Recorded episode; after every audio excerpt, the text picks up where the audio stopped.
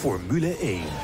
Pedalpraat. Hallo en uh, welkom bij Paddock Praat, de vrijdageditie. Het is de Grand Prix van Imola en dan nemen we op vrijdag even de, de gebeurtenissen van de dag door. Wat is er allemaal gezegd, wat is op de baan gebeurd.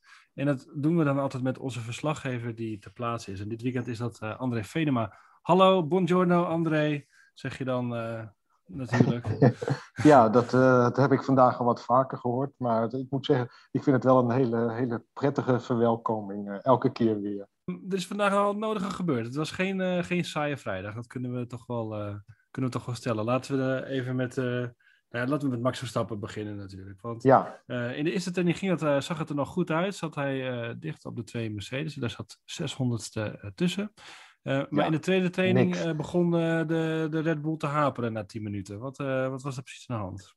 Ja, vijf rondjes heeft hij uiteindelijk in de tweede vrije training gereden. Ehm, de aandrijfas, die, is, daar is iets mee. en daardoor kon hij niet, niet verder. Nee. Dus heel, heel, vervelend, heel vervelend voor hem.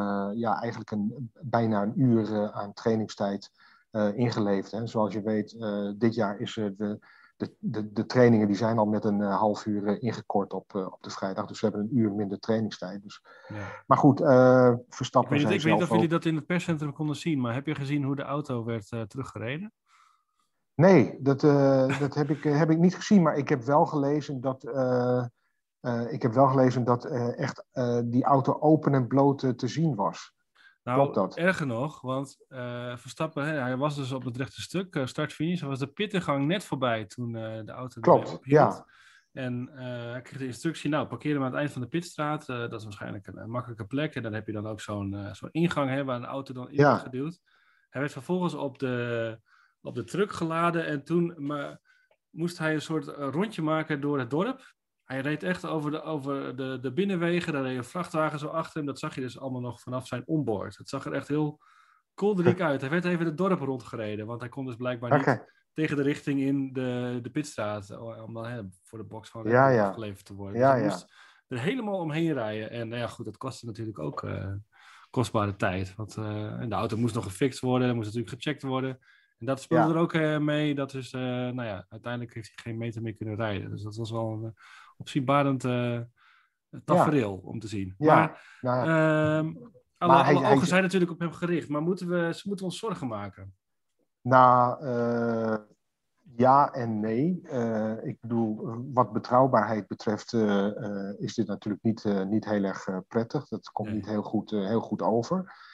Um, en dat heeft hij zelf ook benadrukt zojuist. Van, weet je, die betrouwbaarheid als je, als, je, als je om het kampioenschap wil rijden, dan is elke uitvalbeurt is natuurlijk altijd één te veel. Maar zeker als je om de titel kunt rijden, voor, de eerste in, in, in, voor het eerst in je, carrière, zeg maar. Dus dan, uh, dan is dat van, uh, ja, dat is van, levens, uh, van levensbelang. Um, dus dat is, dat is, dat is heel erg belangrijk.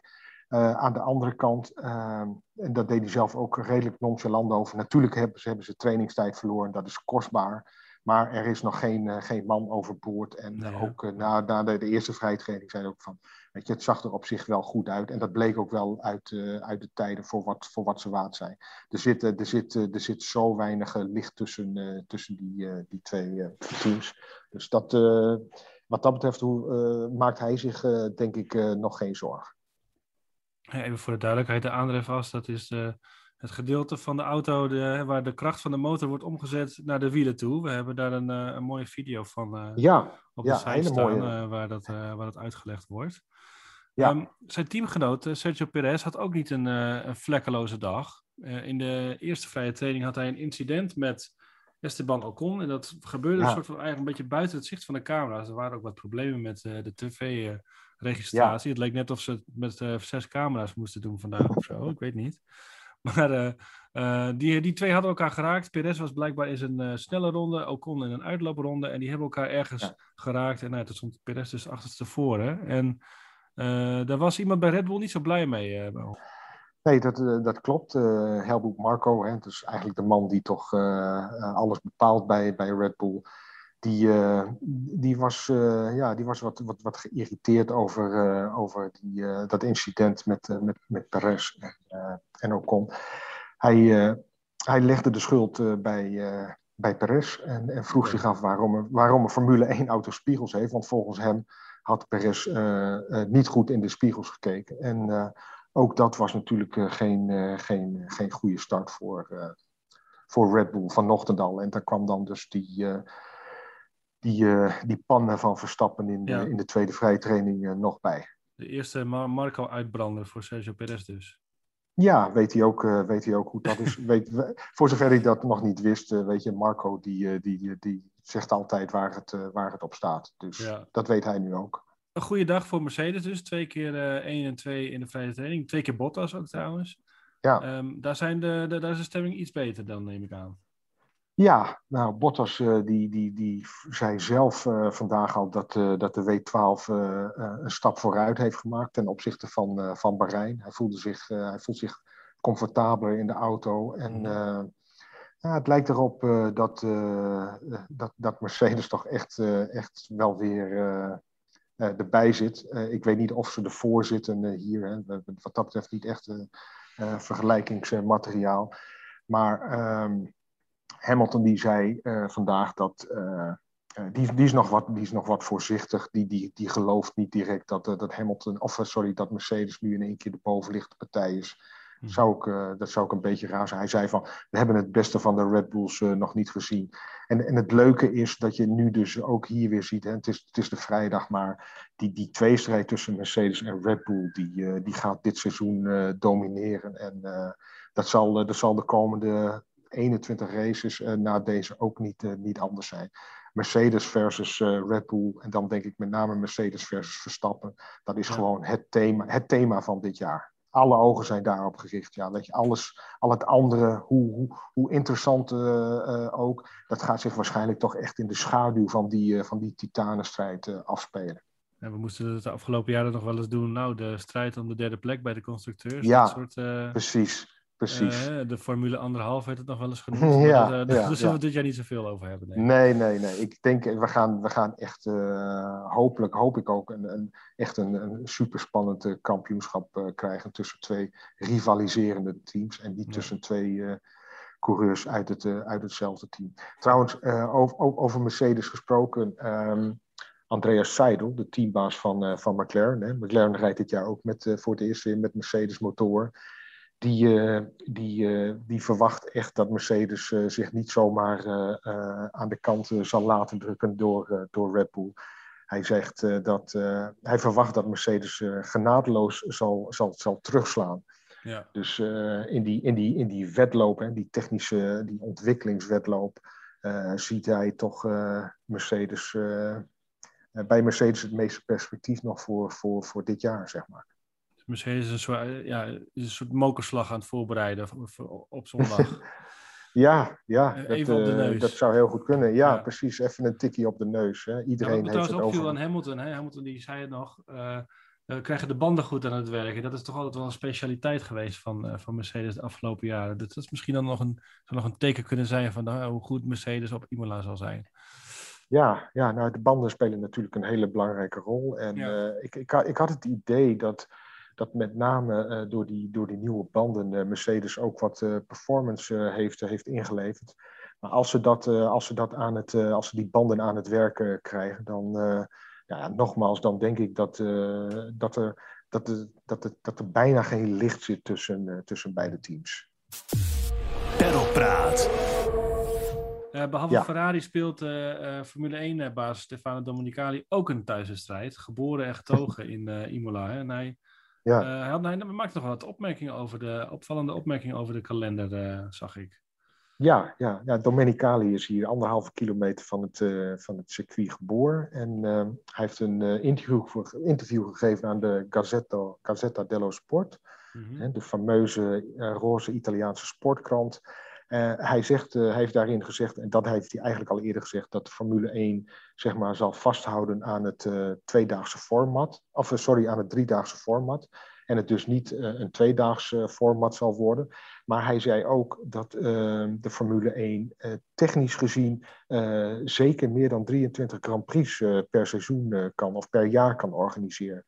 En dat, uh, dat is toch wel uh, opmerkelijk, want uh, heel veel mensen die vinden eigenlijk al dat, dat dit wel de limiet is, of al over de limiet is. Ja. Um, dus ik ben heel benieuwd hoe ze dat eventueel zouden gaan doen. Maar Domenicali, die, die, die, dat bracht ook meteen al een, een soort van voorbehoud in.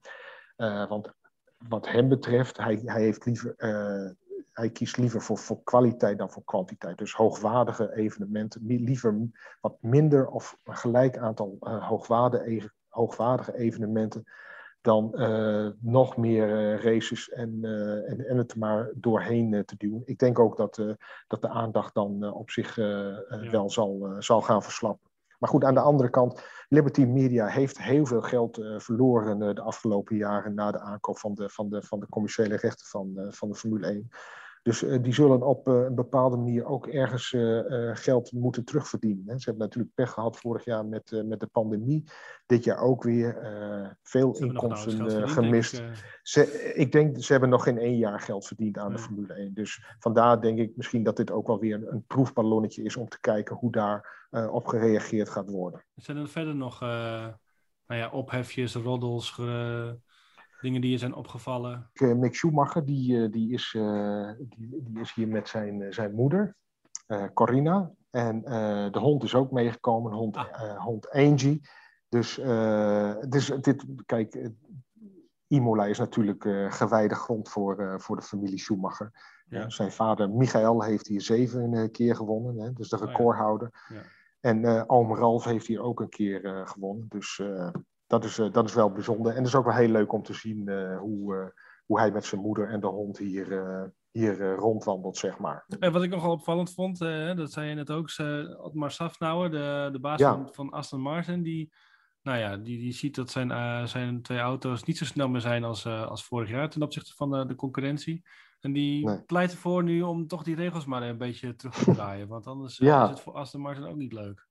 Nee, nee hij, hij, hij stelt, zoals, hij stelt een, een U-turn, zoals dat dan uh, heet in het Engels, uh, ja. voor. Om, om die reglementen met, uh, hè, met, de, met de nieuwe reglementen, met name voor, voor de vloer, terug, te, terug te draaien. En daar is door heel veel teams een beetje. ja, smalend, denk ik. Smalend, smalend op gereageerd. hè? Met name Horner, uh, Christian Horner van, uh, van Red Bull, die, uh, die noemde het idee van Safnauer naïef. En hij zegt ook van, ja, vorig jaar hebben we deze regels unaniem aangenomen. Dus waarom zouden we ze dan nu in godsnaam alweer moeten veranderen? Omdat het, omdat het één partij niet, niet, niet uitkomt. Hè? Omdat de regels voor één partij dan nadelig zijn geweest. Hij zei van, dat is in de Formule 1 altijd zo. En hij refereerde daarbij aan, aan de, de, de glorieperiode van, van Red Bull tussen 2010 en 2013. Daarna kwamen er ook andere regels en dat, dat ging toen ten koste van ja, zeg maar van, van, van Red Bull. Dus dat hoort bij de Formule 1, dat is altijd zo. En ik vind, het is ook wel heel typerend voor de Formule 1, weet je. Het is toch een, uh, een wereld waarin uh, eigenbelang uh, voorop staat. Dat geldt voor Red Bull en Mercedes net zo. Maar ik, ik vind dit nog, ik, ik, vind dit er wel een hele vreemde en inderdaad ook naïeve gedachte van het Safnauer. Tot zover de, de vrijdag dan. Morgen is het zaterdag, logischerwijs. Ja. Uh, gaan we kwalificeren? Dat doen we om, om twee uur. Even nog, nog een kleine attentie, want dat was eerst uh, drie uur, maar dat is een uur naar voren gehaald vanwege de uh, begrafenis of de uitvaart van Prins Philip in Engeland. prins die overleden ja. is afgelopen week. De derde ja. vrije training is daarom ook om 11 uur, ook een uurtje vroeger.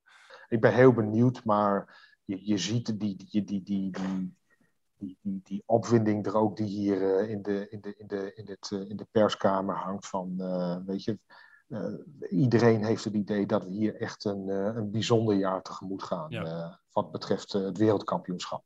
Nou, nou, we gaan het volgen. Jij, jij bent te volgen via Twitter en via yes. onze website natuurlijk, formule1.nl voor het laatste nieuws. Um, maandag zijn we er met nou ja, de langere podcast over nou, het hele afgelopen weekend en over alles wat er is gebeurt. Dan uh, ronden we ook een, een, nieuwe editie af van Formule 1 Magazine. Dat ligt dan uh, in de loop van de week in de winkel. Voor nu zeg ik uh, bedankt voor het luisteren en tot maandag. Dag André. Hey Jacques, hoi hoi. Formule 1 Praat.